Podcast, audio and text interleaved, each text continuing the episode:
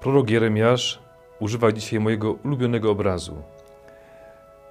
Pokazuje suchy krzak, który korzenie zapuszcza w suchą, spaloną ziemię na stepie.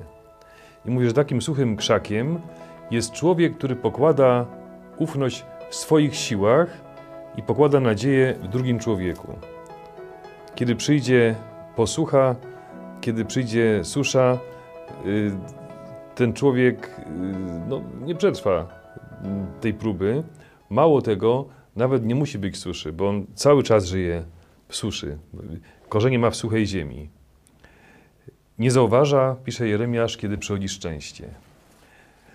Przy kontraście do tego Jeremiasz pokazuje drzewo zasadzone nad wodą. Piękny obraz drzewa, który, które ma korzenie wypuszczone w kierunku strumienia. I mówi, że kiedy przyjdzie susza, to drzewo zachowa zielone liście. Mało tego, nadal będzie wydawać owoce, bo jego korzenie będą cały czas w wodzie, cały czas będą mogły czerpać wilgoć. To jest niesamowicie piękny obraz, ale też prawdziwy. Moi kochani, y, Simon de Beauvoir, o niej pisze ksiądz biskup Życiński w jednej ze swoich książek. Kobieta, która, można powiedzieć, łapała szczęście garściami. Wydawało się jej, że jest szczęściarą, że wygrała swoje życie jak los na loterii.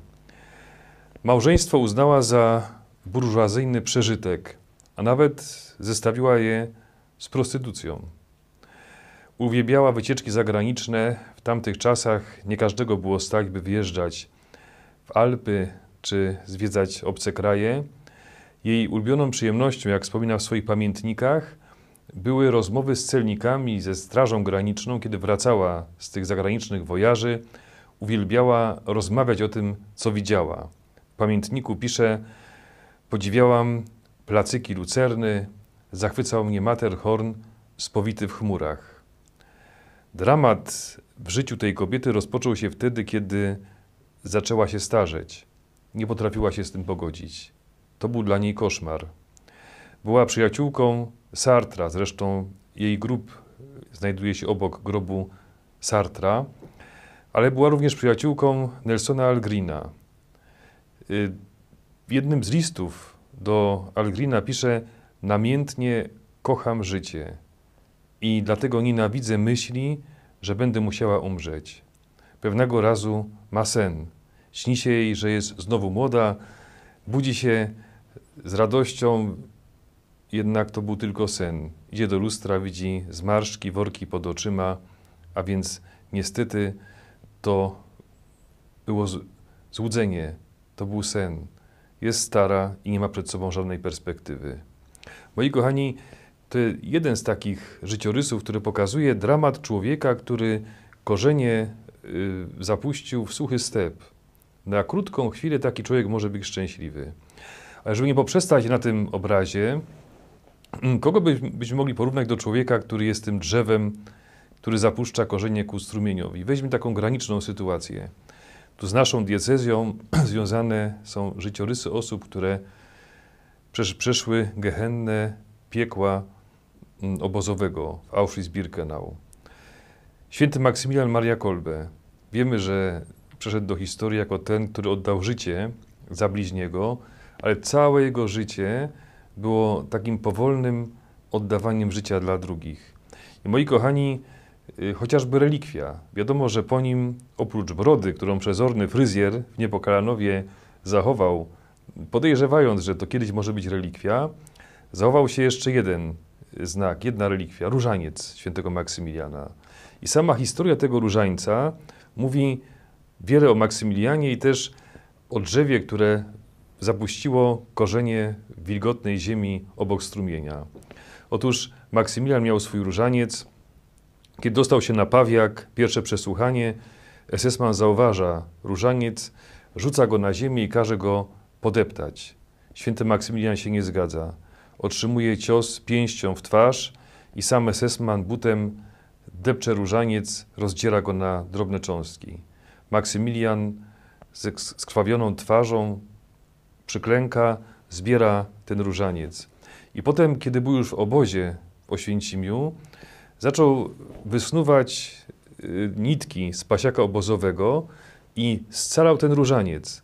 Naprawił ten różaniec za pomocą nitek. I ten różaniec służył świętemu Maksymilianowi, ale też innym współwięźniom. I gdybyśmy mogli się tego dowiedzieć, pewnie byśmy się dowiedzieli, ilu osobom ten różaniec uratował życie. Między innymi do obozu trafia kilkunastoletni chłopak, Wilhelm Żelazny, pochodzi z Chorzowa. Dla takiego młodego człowieka piekło obozu jest nie do zniesienia. Postanawia rozstać się z życiem, rzucić się na druty z wysokim napięciem.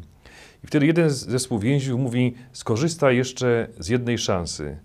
Jest tu super zakonnik, wspaniały ksiądz, który już niejednemu pomógł. Idź do niego na rozmowę. Chłopak idzie do świętego Maksymiliana, mówi o swoim problemie, o swoich rozterkach i wtedy święty Maksymilian spod pasiaka wyjmuje ten różaniec. Masz ten różaniec, módl się na nim. Jak odzyskasz już siłę, oddaj mi go z powrotem, żeby mógł jeszcze służyć innym więźniom. Wiadomo, że Niemcy odbierali wszystkie różańce i symbole religijne, chcąc jeszcze bardziej zniewolić więźniów. Wiedzieli, że w tym jest siła. Wilhelm modli się, korzystając z tego różańca, a kiedy chce go oddać, idzie pod barak świętego Maksymiliana. Od współwięźniów dowiaduje się, że Maksymilian już jest w bunkrze głodowym. I tak ten różaniec wydostaje się wraz z Wilhelmem, który przeżywa obóz dzięki tej modlitwie poza druty obozowe. Wojna się kończy i różaniec trafia do parafii świętego Maksymiliana w Oświęcimiu, gdzie dziś można go w pięknym relikwiarzu w postaci figury Matki Bożej uczcić i tym samym y, przekonać się, jak wielką siłę daje człowiekowi pokładanie nadziei w Panu Bogu. Moi kochani, święty Maksymilian w tym piekle na ziemi nie tylko sam zachował wewnętrzną siłę, ale popatrzcie, potrafił tą swoją siłą, tą swoją nadzieją, wbrew wszystkiemu, dzielić się z innymi. Uratował życie dziesiątkom ludzi. Moi kochani, błogosławiony mąż, który pokłada nadzieję nie w swojej sile, nie w swoim ciele, ale w Panu, przetrwa najgorszą suszę, największe życiowe niepowodzenia, największe dramaty. Moi kochani, taka prośba. Y, dzielmy się tym, tą naszą nadzieją z innymi. Rozmawiajmy z bliźnimi. Jest teraz wielkie nasilenie jakichś takich ciężkich stanów psychicznych. Raz po raz się słyszy, że ludzie bardzo cierpią duchowo, cierpią psychicznie, a nieraz wystarczy dobre słowo, podanie ręki. Jeszcze jedna rzecz. Dużo nie trzeba. Wystarczy podać na przykład chociażby to nasze dzisiejsze rozważanie dalej. Przecież nigdy nie dysponowaliśmy taką możliwością jak teraz, że nawet bez rozmowy, bez telefonu możemy dzielić się dobrymi treściami. Jeżeli uznacie, że to dzisiejsze słowo y, oparte na proroctwie Jeremiasza może komuś pomóc, podajcie je dalej. Naprawdę warto. Nie wiemy, kto nawet w krańcowej sytuacji swego życia, y, nawet jeśli jest tym suchym krzewem, które, które na razie korzenie ma w suchej ziemi, kto dzięki temu słowu na przykład zapuści swoje korzenie w miejscu nawodnionym, odzyska siłę i nadzieję. Skorzystajmy z tej szansy, jaką daje dzisiaj internet, żeby dzielić się dobrymi treściami. Bardzo o to proszę. Błogosławiony człowiek, który swoje korzenie wypuszcza w kierunku strumienia. Błogosławieństwa wymienia dzisiejsza Ewangelia. Błogosławiony to znaczy szczęśliwy. A co jeszcze możemy powiedzieć o szczęściu? Gdzie go znaleźć? Na czym polega szczęście?